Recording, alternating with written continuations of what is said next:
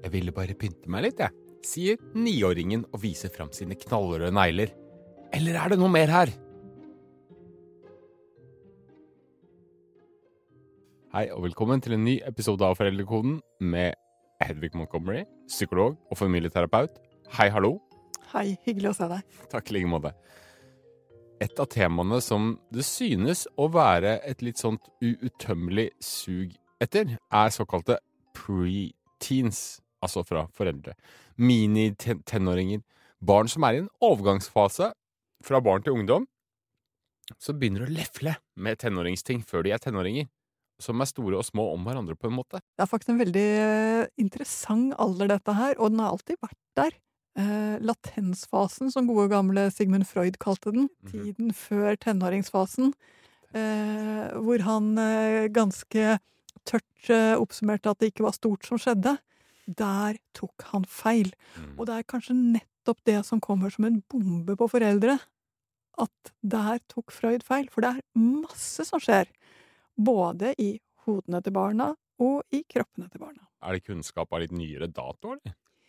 Så du kan si at uh, det er ikke noe nytt. Så lenge vi har litteratur om barn og ungdom, så, så ser vi jo tegn etter dette her. Eh, men vår forståelse av det har nok endret seg ganske mye. Og kulturen som dyrker ungdom og lager skreddersydd innhold for disse mini-tenåringene Det er bare å sette seg ned og scrolle seg gjennom eh, noen av showene på Disney Channel, så skjønner du at de har fått en annen, en annen lekeplass, da, eller et annet uttrykk. Mm. Er det bra eller dårlig? Altså, det er jo alltid et godt spørsmål. Eh, For meg er det verken eller. Det er. Det er. Hvorfor er denne tiden så utfordrende for foreldre, hvis man da skal i mål i forhold til en del av sånne henvendelser som vi får, som er veldig sånn der eh, tung, tunge av frustrasjon og oppgitthet og ikke vet hva, hva de skal gjøre? Jeg syns ikke det er så rart. Eh, For det første så er Man tenker jo at tenåringen er løsrivelsesfasen, men løsrivelsesfasen begynner allerede i tiårsalderen.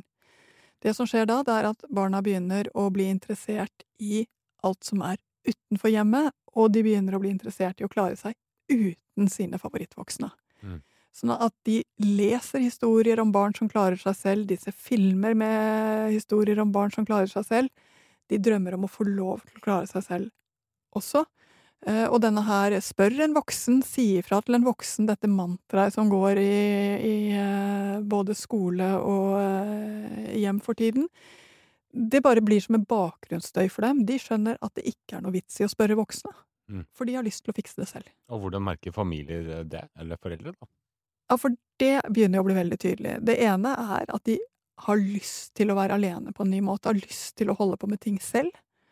De spør ikke om hjelp på samme måten som før. Det er nytt.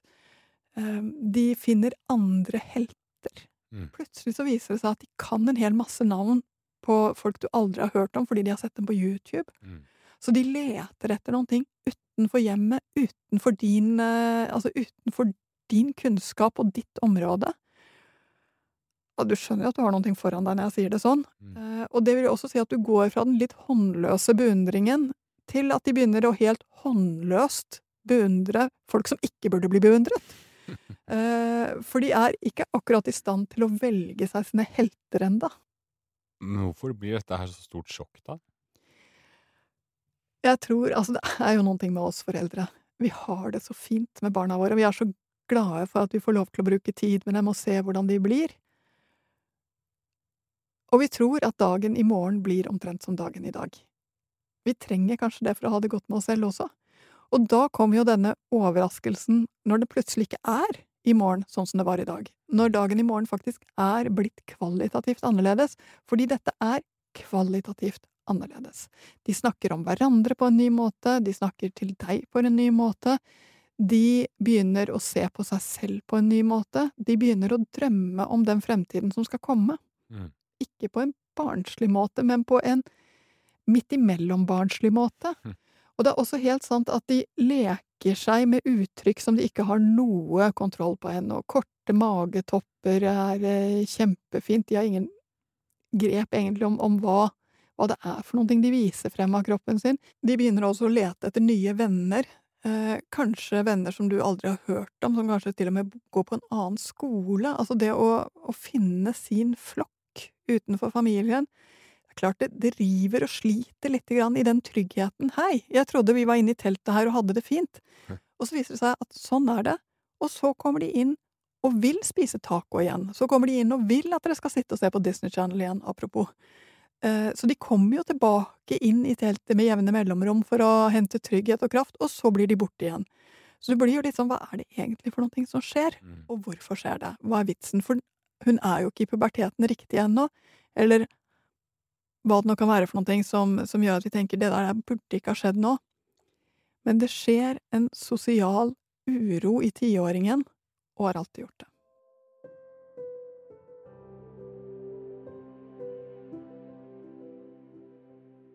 Ok. Er det Fordi det var en mamma til en eh, tiåring som sendte en mail, og hun opplevde at datteren forandra seg veldig over, no over sommeren nå, da. Eh, og kan finne på å, ønske seg væske til bursdagen og sminke seg og holde på og sånt, for bare å ville dra i lekebutikken og kjøpe kosebamser dagen etter, og leker og sånt noe. Så eh, hvordan skal man liksom eh, eh, Hvilket nivå skal man legge seg på, på en måte? Altså her er det bare å si ja takk, begge deler. Okay. Dette er barn som både trenger å se på kule motebilder, og å få lov til å uh, få lagt uh, kosedyrene i, uh, riktig i sengen sin. Mm. De trenger fortsatt begge delene. Og visst er det litt forvirrende, fordi i ene øyeblikket så har du en som høres veldig fornuftig ut, og snakker veldig fornuftig, og forventer å bli tatt på alvor med det, for så i neste øyeblikk å ha en som er akkurat der hun alltid har vært. Ja, og denne samme moren hun spør eh, det litt veldig åpne spørsmålet hvordan skal vi møte dette? Nei, altså spørsmålet er supergodt. For svaret er ja, på en måte er du alltid deg, men du tilpasser deg jo helt klart dem du bor sammen med. Og når den du bor sammen med, i dette tilfellet en tiåring, endrer seg så mye, så er det klart det endrer litt grann måten du er på. Ja, du må gi henne litt grann mer space og tid i dusjen og på badet. Ja, du må gi henne litt grann mer oppgaver som hun løser selv. Gå og handle et eller annet på butikken eller fikse noen ting. Du må la henne få lov til å kose seg litt med den der selvstendighetsdrømmen. La henne få lov til å, ha litt tid alene hjemme før du kommer hjem. Du kanskje til og med selv bør ta deg en kopp kaffe på veien hjem, sånn at hun får den der eh, alenetiden som, som hun drømmer om. Eh, så ja, det er klart du tilpasser deg. Samtidig så er du jo deg. Mm. Samtidig så er du jo den som hun vet at hun kan komme til når hun trenger det. Samtidig så er det jo den som legger henne på gamlemåten eh, og kiler henne når hun har lyst til å bli kilt. Du må klare begge delene. Men jeg tror det er viktig å være klar over at det som skjer, er både en ting som handler om å finne seg selv sosialt, altså hvem er jeg egentlig? Hvem skal jeg sammenligne meg med? Hvem skal jeg sitte ved siden av? Hvem er kule? Det handler om en fysisk utvikling, og puberteten er nå ett punkt hvor eh, det er eh, nærmest en eksplosjon i kroppen av eh, kjønnshormoner og av nye måter å forstå seg selv på, eller ikke forstå seg selv på. Men før det kommer, så er det akkurat som kroppen vet at noen ting er på gang. Den tar og samler krefter, den tar og kjenner en slags eh, Jeg holdt nesten på å si Det er nesten helt fascinerende hvordan ti-elleveåringer kan være helt skamløse. Eh, det er som om kroppen både blir en selvfølgelighet eh, og også en en uvesentlighet. Eh, ofte så blir barna mer lubne, de legger på seg en del før denne store kraftbruken kommer, og det er akkurat som kroppen og sjelen vet at det er noe som skal skje. Så denne trøttheten som sniker seg inn i familiene rundt disse tidene, er også ganske overraskende. Så det er klart du sitter der som forelder og tenker hva er det for noe som skjer? Er det normalt? Er det sånn det skal være? Det er klart du lurer på det. Mm. Men det er det altså. Det er ikke bare det at det er normalt, og ikke bare sånn det skal være. Det er nødt til å skje. Men er det riktig at denne tida kommer tidligere på'n nå enn for 20 år siden og 30 år siden og før den tid også? Uh, ja, Uh, puberteten inntreffer tidligere nå enn for 20 år siden. Vi er ikke helt sikre på hvorfor, eh, men vi vet at det er slik at både gutter kommer i stemmeskifte nærmere et år tidligere enn for 20 år siden, og jenter på samme måte får mensen tidligere nå enn for 20 år siden. Så noen ting har endret seg, og vi vet at det var enda større forskjell på 50-årene før der igjen. Så puberteten er blitt skjøvet tidligere, som sannsynligvis har noe med kosthold å gjøre. Eh, man vokser seg rett og slett fortere klar til det stadiet. Eh, kanskje har det med andre ting å gjøre som vi ikke vet. Altså dette er jo mye vi ikke vet ennå. eh, med, med alt det vi omgir oss med av eh, hormonhermer og andre ting i samfunnet. Men vi vet altså at puberteten kommer tidligere, og det betyr også, etter all sannsynlighet, at denne preteens-fasen også kommer et år tidligere. Så om det skjer tidligere enn før, ja, det tror jeg. Og så tror jeg også det er én ting til som vi var inne på helt i starten, nemlig at vi har fått en slags Vi har fått en kulturell plass for preteensen. Vi lager egne TV-serier for barn i denne alderen, både på NRK Super og på eh, strømmeplattformene. De har sine egne eh, ting. De elsker å se på TikTok og på YouTube. Absolutt. Sånn at de har også fått et sted som på en måte løfter opp denne preteens-kulturen, der hvor den før nesten var usynlig, og i hvert fall veldig, veldig bare i akkurat dette barnet eller denne klassen. Så det tror jeg nok også gjør at det er tydeligere. Altså man ser det tydeligere nå enn før.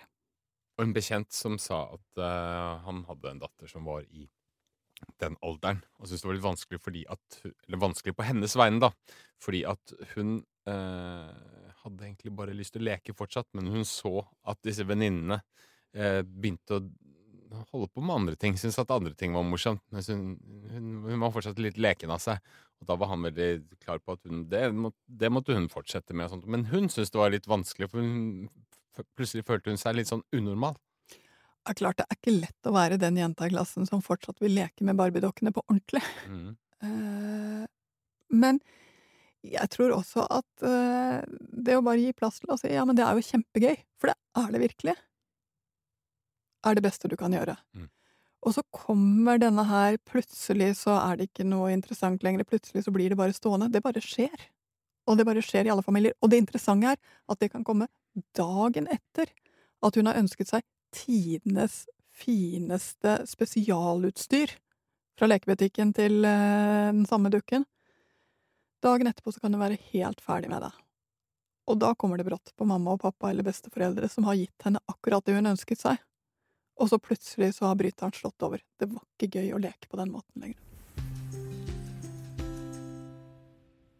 Du var inne på at, de begynte, at mange begynner å kle seg litt mer sånn Damete eller voksent? damete, voksent, eh, tenåringsaktig, og så er de jo bare barna fortsatt. Og det ser kanskje litt rart ut, og du tenker at det kanskje ikke er helt bra. Eller skal du ikke legge deg opp i det, egentlig? Altså, jeg går jo forbi en eh, kleskjede som har eh, spesialklær for bare akkurat denne aldersgruppen, Ja. som ligger i Bogstadveien, Ja. eh, og hvor det står en jevn kø Ja. av jenter akkurat i denne alderen utenfor. Mm. Og jeg må bare si, jeg blir like glad hver gang jeg går forbi, fordi de er så søte. Mm. Og så vet jeg at når de kommer ut med de klærne på seg, så er det bare én størrelse, klesstørrelse inn i den butikken. Ganske mange av de jentene kommer til å se mildest talt pussige ut når de kommer ut Mm. med disse klærne. Og de kommer allikevel til å synes at de ser fantastiske ut. For såpass barnslige er de fortsatt, såpass lite selvkritisk blikk har de fortsatt, og det tenker jeg at det skal vi bare synes er helt fint. Det selvkritiske blikket kommer tidsnok. Jeg hadde i hvert fall ikke gjort noe større ut av det. Gutta, da? Hvordan blir de i preteens-åra? I første rekke så blir de trøtte. Late. Eh, Jeg tror latheten kanskje er det mer kjennetegnende der. Eh, I min ungdom så ble jo guttene nesten litt borte i 11-12-årsalderen. Eh, De lå og leste Donald Mm. selv. Eh, Nå sitter de og spiller dataspill. De er i hvert fall ikke sammen med De var i hvert fall ikke sammen med oss jentene, og det ser jeg at de fortsatt i veldig liten grad er. Eh, Så guttene søker en slags langsom kjedsomhet i vente på det som skal skje.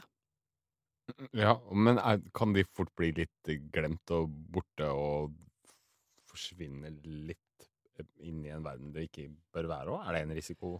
sånn sett. Altså, du kan si at det som er risikoen nå kontra da, det er at Donald var på en måte papir. Ja. Eh, mens inn på nettet så kan de både treffe for godt i det å sitte og kjede seg sammen med andre, sånn at det ikke blir altfor lite annet. For de trenger fortsatt å røskes ut. De trenger fortsatt å eh, bli faktisk lest for og spist middag med og liksom være sammen med. De trenger å gå ut og løpe og herje, de trenger å sparke ball, de trenger disse fysiske tingene også. Så jeg tror faktisk du er inne på noen ting når du sier at det er viktig å ikke glemme dem når de sklir inn i denne litt eh, kjedelige verden som de nesten er programmert for å gå inn i. Mm. Og hva innebærer det i, i praksis for den enkelte forelder? Fortsatt ta initiativ. Hei, skal vi? Hei, kom så. Uh, hei, nå er det. Rett og slett husk på at de fortsatt finnes, uh, og ta dem med. Men ikke lag superambisiøse planer, tross alt. Mm. En annen ting som er litt interessant med denne alderen, som kanskje går litt på tvers av det jeg sier nå, men kanskje nettopp derfor er det så viktig å være klar over det, det er at ti, ja, rundt elleveårsalder så er det et lite interessant vindu hvor de lærer seg ting veldig lett. Sånn at de har lett for å lære seg nye ting. Som også gjør at det er lett å bli nerdete. ikke sant? Man blir sånn superinteressert, fordi det går så fort, og plutselig har man god hukommelse, og ting kobler seg til det man kan fra før, og plutselig blir det et stort byggverk inni hodet. Eh, Så det ene er at dette er en gullalder for læring hos både gutter og jenter. Ser man det? Ser man det? Eh, og det andre det er at eh, det gjør også at disse spesifikke interessene deres, det får de en slags boost på før de går inn i tenåringsfasen. Ja, det må man jo bare dyrke og vanne og gi, gi næring. Ja, og jeg tenker også at eh, om det så er noen ting eh, som ikke er spesielt interessant, men som de Altså, det gjør jo at de kan snakke superlenge om ting som vi syns er ganske uinteressant, og veldig detaljert om karakterer i noen filmer eller noen dataspill, som vi bare Når, når lærte du deg alt dette? Hvorfor husker du alt dette? Eh, Men det er en måte å utvikle hjernen på som de trenger. Det er en måte å, å få brukt hjernen fullt ut før den skal begynne å beskjæres og ordnes om i forbindelse med tenåringsfasen. Eh, Men jeg tror at i denne aldersfasen her, har du et barn som virkelig sånn går litt all in i et eller annet felt, så, så vit at det er til nytte for noen ting, da. Trene jattemuskelen, da. Rett og slett. Eh, Og kanskje lære deg et og annet nytt selv også. Det er ikke så dårlig i voksen alder. Hvis jeg har forstått det riktig, så er det vel også slik at, og det har jeg vel egentlig hørt også, fra opptil flere i min bekjentskapskrets, at eh, det begynner å bli litt vanskelig med sånn intrigemakeri og, og drama. Eh, hva, er det, hva, hva er det som skjer der? Altså, når denne preteens, minitenåringsfasen setter inn, så er noe av det første som skjer, er nettopp dette. De har lyst til å finne sin gjeng. De har lyst til å finne sine venner. Og det er ikke de samme nødvendigvis som de har lekt med eller vært med før. De begynner å, å lete etter noen som de kan føle seg hjertevenner med, noen de kan føle seg ordentlig nær med, noen de kan dele hemmeligheter med, skal de strekke seg frem mot. Og det betyr at de svikter hverandre, at de leter etter andre i klassen og plutselig ikke vil være sammen med bestevenninnen sin. Det skjer ting, det liksom røsker i hele grunnstrukturen i en klasse eller i en vennegjeng. Og jeg tenker at dette kan være så vondt for noen, og er så vondt for noen, at det virkelig trengs at vi som er voksne, holder et litt rolig blikk.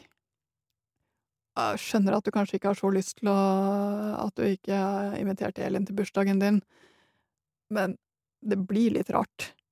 Uh, ja, men jeg er ikke så mye med henne lenger. Jeg vet, men bursdagen er et sånt sted hvor hun, det jo faktisk er plass til at hun kan komme uansett. Altså, hjelp dem til ikke å være så harde mot hverandre. Ha ørene åpne når de snakker stygt om hverandre, og si kan godt synes at noen ikke er tidenes flotteste uten at du bruker så dårlige ord om ham. Eh, fordi hører han det, så gjør det skikkelig, skikkelig vondt for ham. De trenger sånne drypp av sosial kunnskap som gjør at de ikke gjør hverandre for vondt, særlig i denne preteens-fasen. Men være vaktsom med å være altfor sånn Gripe inn med sånn dømmende stemme. Sånn type Sånn kan du faktisk ikke si, altså, aktig. Altså, du får nok mindre gjennomslag, for sånn kan du faktisk ikke si. Mm. Du kommer sikkert til å si det også, for blir man oppskjørtet nok, så gjør man jo det. Man det. Eh, Men du kommer mye, mye lengre med å dulte enn ved å peke med hele hånden her. Barn i eh, overgangsalderen. Hedvig Montgomery. eh, på vei inn i tenåra. Hva er de tre beste tipsene til foreldre som har barn som er på vei dit? For det første, kos deg. Det er utrolig spennende å se det som nå skjer, for nå er det så mye som endrer seg samtidig. Hva blir tydelig, hva er interessene, hva er viktig, hva er uviktig? Hold din egen foreldrenysgjerrighet, for nå kommer du til å lære noe nytt om barnet. Det andre det er at det er en fin tid for læring, så ikke gi opp å lese, gå på museer, eh, se på ting sammen som er litt lærerikt, for læring nå går inn på en helt ny måte. Og det tredje, man kan synes det er kjemperart med en som i ene øyeblikk er i opprør, for så i neste øyeblikk å være superkosete. Det er ikke uttrykk for at det er noe galt, det er uttrykk for at det er noe riktig. Så bra. Og den aller verste tingen i hele verden å si og gjøre, hva er det? Den verste tingen er å ikke si unnskyld når du har gjort noe galt. Ja. Det er jo en sånn eh, god uh, huskeregel for de aller fleste. Vi sier takk for at du hørte på. Husk på at du har uh, over 100 episoder av Foreldrekoden som tidligere er spilt inn, tilgjengelig i Podme eller via Aftenposten. Der bør du virkelig abonnere, synes vi. Det var alt vi hadde. Ha en fin dag og uke.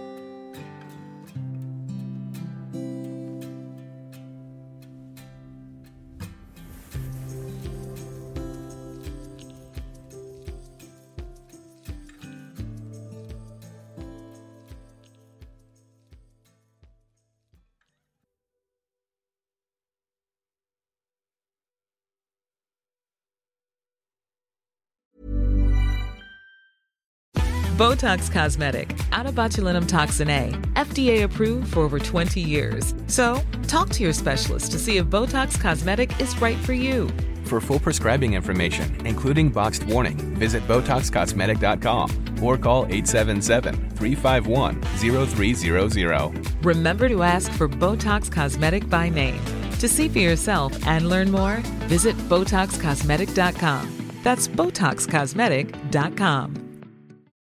Botox Cosmetic, out of botulinum toxin A, FDA approved for over 20 years. So, talk to your specialist to see if Botox Cosmetic is right for you. For full prescribing information, including boxed warning, visit BotoxCosmetic.com or call 877-351-0300. Remember to ask for Botox Cosmetic by name. To see for yourself and learn more, visit BotoxCosmetic.com. That's BotoxCosmetic.com.